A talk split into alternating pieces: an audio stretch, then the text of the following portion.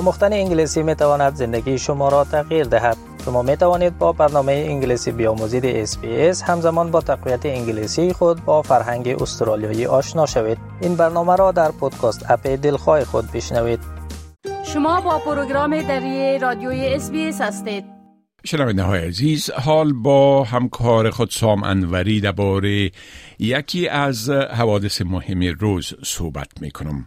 آقای انوری سلام عرض می کنم خب یکی از حوادث مهم قصد یک عده از همکاران سابق نیروهای استرالیایی در افغانستان برای راهپیمایی از دندنانگ ملبورن تا کمبرس تا توجه را به وضعیت اعضای خانواده هایشان که در افغانستان باقی جلب بکنه بله؟ با سلام به شما و شنوندگان عزیز. بله همانطوری که شما اشاره کردید سه همکار سابق استرالیایی ها در افغانستان که از اونها به نام Locally Engaged Employees یا لیز یاد میشه. در حال طی کردن فاصله 700 کیلومتری بین منطقه دندنانگ در جنوب شرق ملبورن و کانبرا یا پایتخت کشور با پای پیاده هستند. اونها میگن که این سفر را برای جلب توجه به وضعیت اعضای خانواده هایشان در افغانستان در پیش گرفتند. انتظار میره که این پیاده روی 18 روز طول بکشه و بعد با برگزاری یک اعتراض مسالمت آمیز در مقابل پارلمان استرالیا در کانبرا به پایان برسه. در طول پیاده روی یک افغان دیگر با یک کاروان که غذا و لباس اونا را حمل می‌کنه و همچنین شبها را داخل از اون میخوابن از عقب اونها حرکت می‌کنه.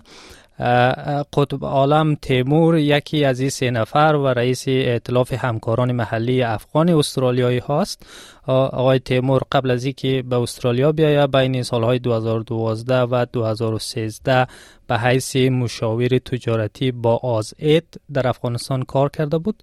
او به اسپیس پشتو گفته که اونها از سال 2015 بعد این سو نگرانی های خود را درباره امنیت اعضای خانواده هایشان با حکومت استرالیا شریک کردند و حالا امیدوارند که این پیادروی طولانی حکومت را وادار به پذیرش خواسته های آنها بکنه.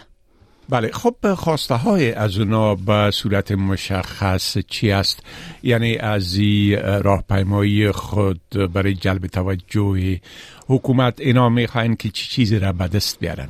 خب آقای تیمور به اسپیس پشتو گفته که اونها سه تقاضای به گفته خودش ساده از حکومت استرالیا دارند یکی این که در اعطای ویزه بشردوستانه به اعضای خانواده های همکاران محلی افغان ها اولویت داده شود و همچنین پنج هزار ویزه به این خانواده های اختصاص داده شود خواسته دوم آنها این است که رد درخواست های پناهندگی افغان هایی که هنوز در داخل کشور هستند متوقف شود و خواسته تقاضای سومشان هم این است که درخواست های رد شده افغان ها دوباره بررسی شوند. اونها میگن که حکومت استرالیا در برخی موارد درخواست های ویزه اعضای خانواده هایشان را رد کرده. به گفته آقای تیمور موارد زیادی وجود دارند که در او همکاران سابق نیروهای استرالیایی به دلیل همکاری با مأموریت استرالیا در افغانستان اعضای خانواده هایشان را از دست دادند.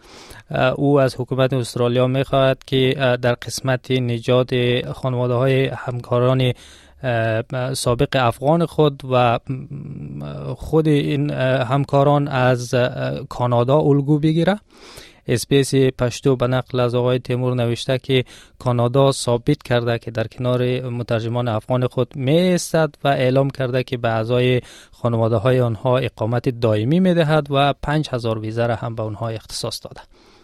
بله خب پاسخ حکومت در برابر ای خواسته های ای همکاران سابق نیروهای استرالیایی در افغانستان چی بوده؟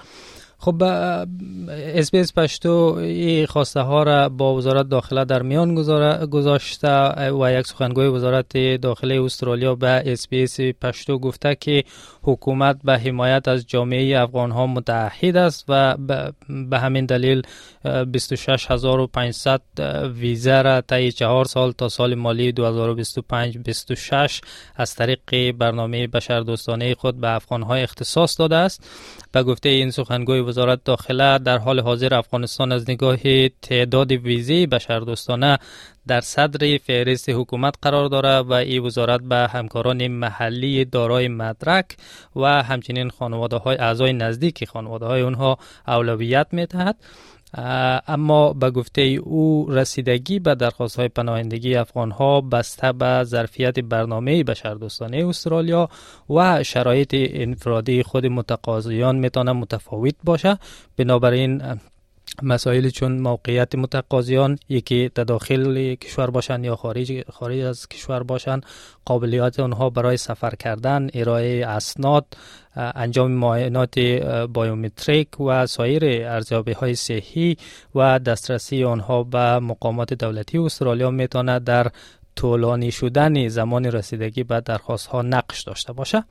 سخنگوی وزارت داخله همچنین گفته که متقاضیان باید برای دریافت ویزه بشردوستانه استرالیا از نگاه صحی، امنیتی و شخصیتی به صورت دقیق مورد ارزیابی قرار بگیرند. بله خب بسیار تشکر آقای انوری از این معلوماتتان و فعلا شما را به خدا می سپارم.